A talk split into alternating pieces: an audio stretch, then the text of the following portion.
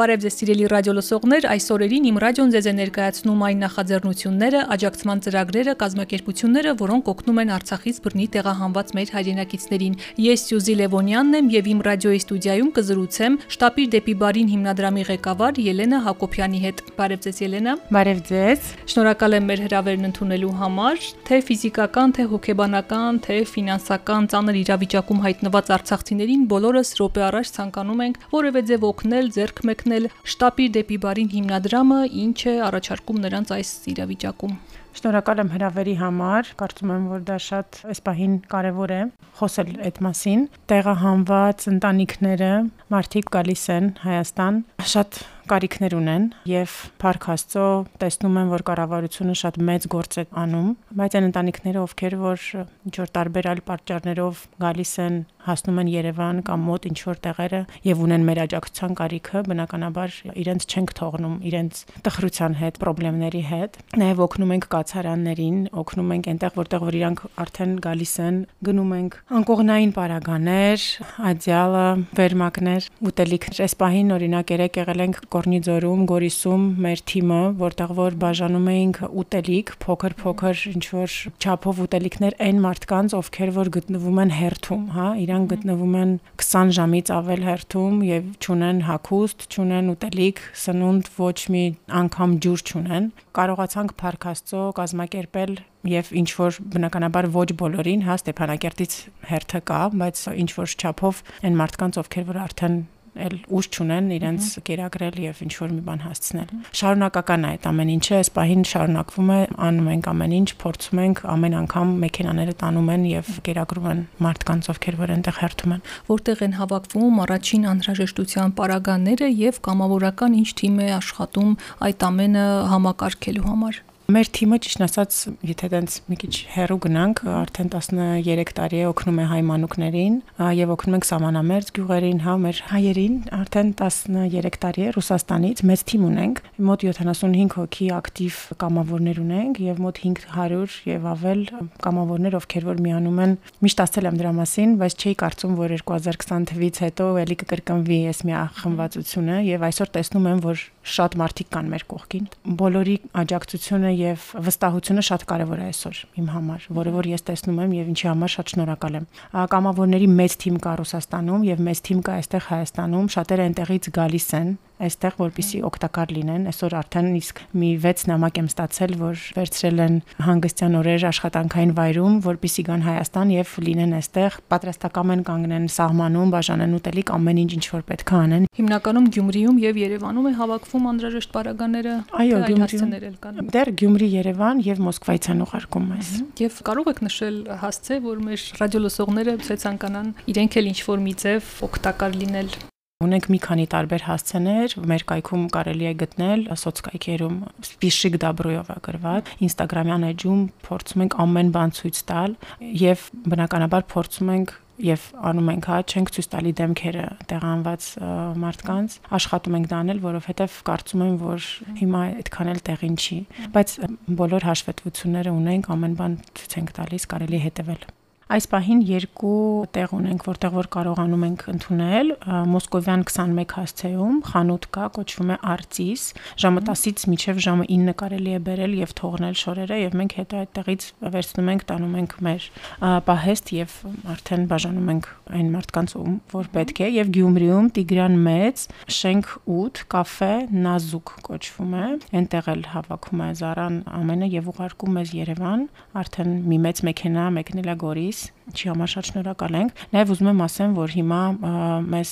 աջակցում է Yandex-ը, որը որ այս հասցեներով անվճար է տեղափոխություն անում եւ տաքսին, այսինքն եթե այս հասցեներով ինչ որ մեկ ուզում է տեղափոխվի ու գնա, ապա Yandex-ը ավտոմատ կերպով 99% զեղչով է բերում։ Հա ինչի համար շատ շնորհակալ ենք էլի, որովհետեւ շատ մեծ աջակցություն է, շատերն են, որ ուզում են բերեն, բայց չեն կարողանում, հա ինչ-ինչ պատճառներով այդ հնարավորությունը տալիս են մեզ մեր գործընկերները։ Նաև հակուստ եք հավաքում եւ կարծում եմ շատերը կցանկանան օգնել, բայց եկեք հստակեցնենք, հակոստը պետք է ամբողջովին նոր լինի, թե նաև ընդունվում է օգտագործված, բայց լավ վիճակում գտնվող։ Կարող է լինել օգտագործված, բայց շատ լավ վիճակում, շատ լավ, որովհետև երևի թե չմոռանանք, որ մենք տալիս ենք այնպիսի մարդկանց, ինչև է կապ չունի ու մենք տալիս, պիտի տանք լավ վիճակում, որովհետև երևի թե ամոթ է տալ վատ վիճակում շորեր։ Այն ինչ որ կախված է անկողնային պարագաները նորն ենք ընդունում եւ առնում, այո, եւ ներքնազգեստեր չենք ընդունում, եթե ընդունում ենք, ապա էլի նորը բնականաբար ներքնազգեստի եւ տակշորերի կարիք ունենք այս պահին շատ եթե լսողները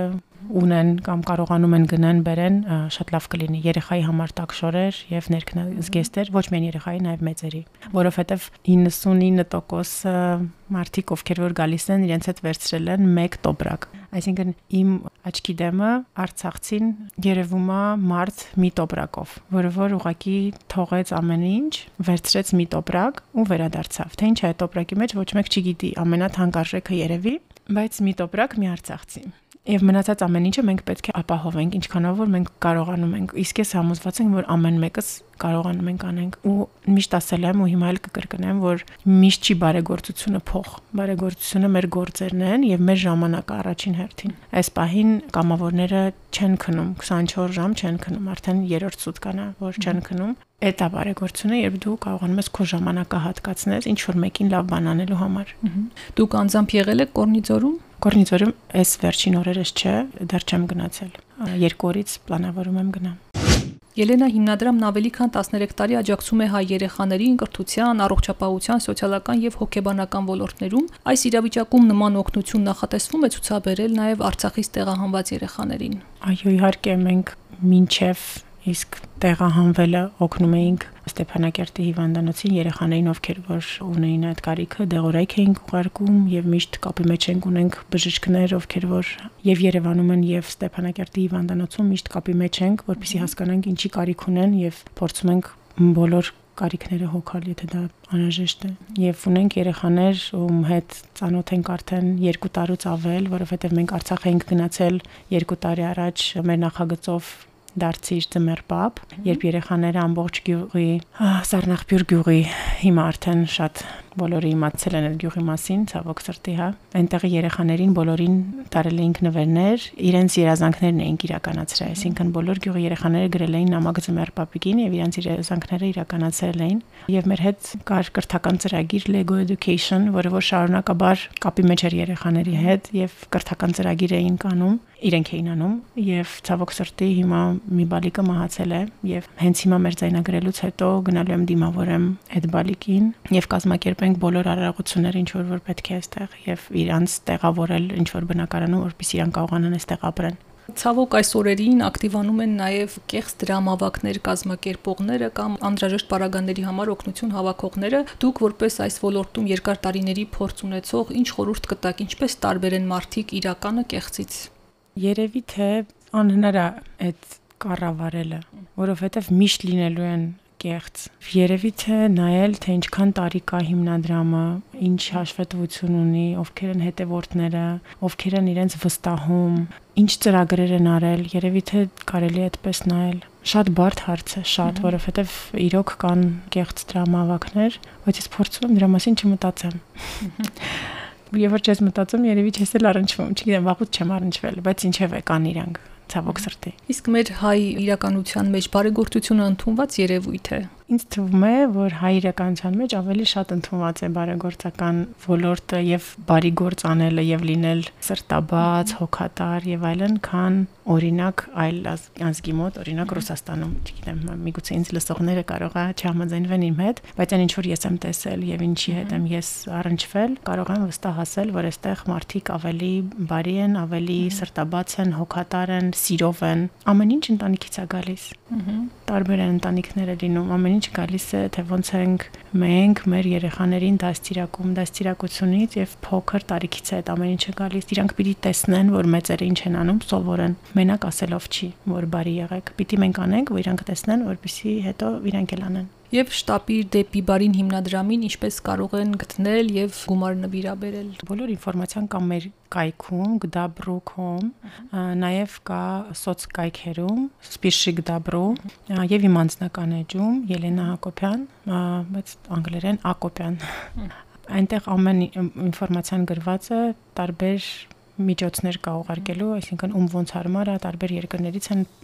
գումար փոխանցում եւ աջակցում։ Միշտ պատրաստ եմ պատասխանեմ, գրեք, զանգեք։ Համարյա թե 24 ժամ հասանելի։ Այս օրերին ծանրաբեռնված աշխատում եք, հասցնում եք չեմ բոլոր զանգերին պատասխանել։ Չեմ հասցնում, ոչինչ չեմ հասցնում։ Չեմ հասցնում անգամ հայլում եք նայել։ Այո։ Այդ մասին մենք խոսեցինք սկզբում։ Այո, եթերից առաջ։ Հա, չեմ հասնում անգամ մայրիկիս հետ հեռախոսով խոսեմ։ Շատ լավ, Ելենա, կարևոր աշխատանք է կատարում հիմնադրամը, ձեր գործերին հաջողություն եմ մաղթում եւ մեր ռադիոլսողներին հիշեցնեմ, որ զրուցում էի շտաբիր դեպի բարին հիմնադրամի ղեկավար Ելենա Հակոբյանի հետ։ Զրույցը վարեց Սյուզի Լևոնյանը։ Խաղաղություն եմ մաղթում բոլորիս։ Շնորհակալ եմ։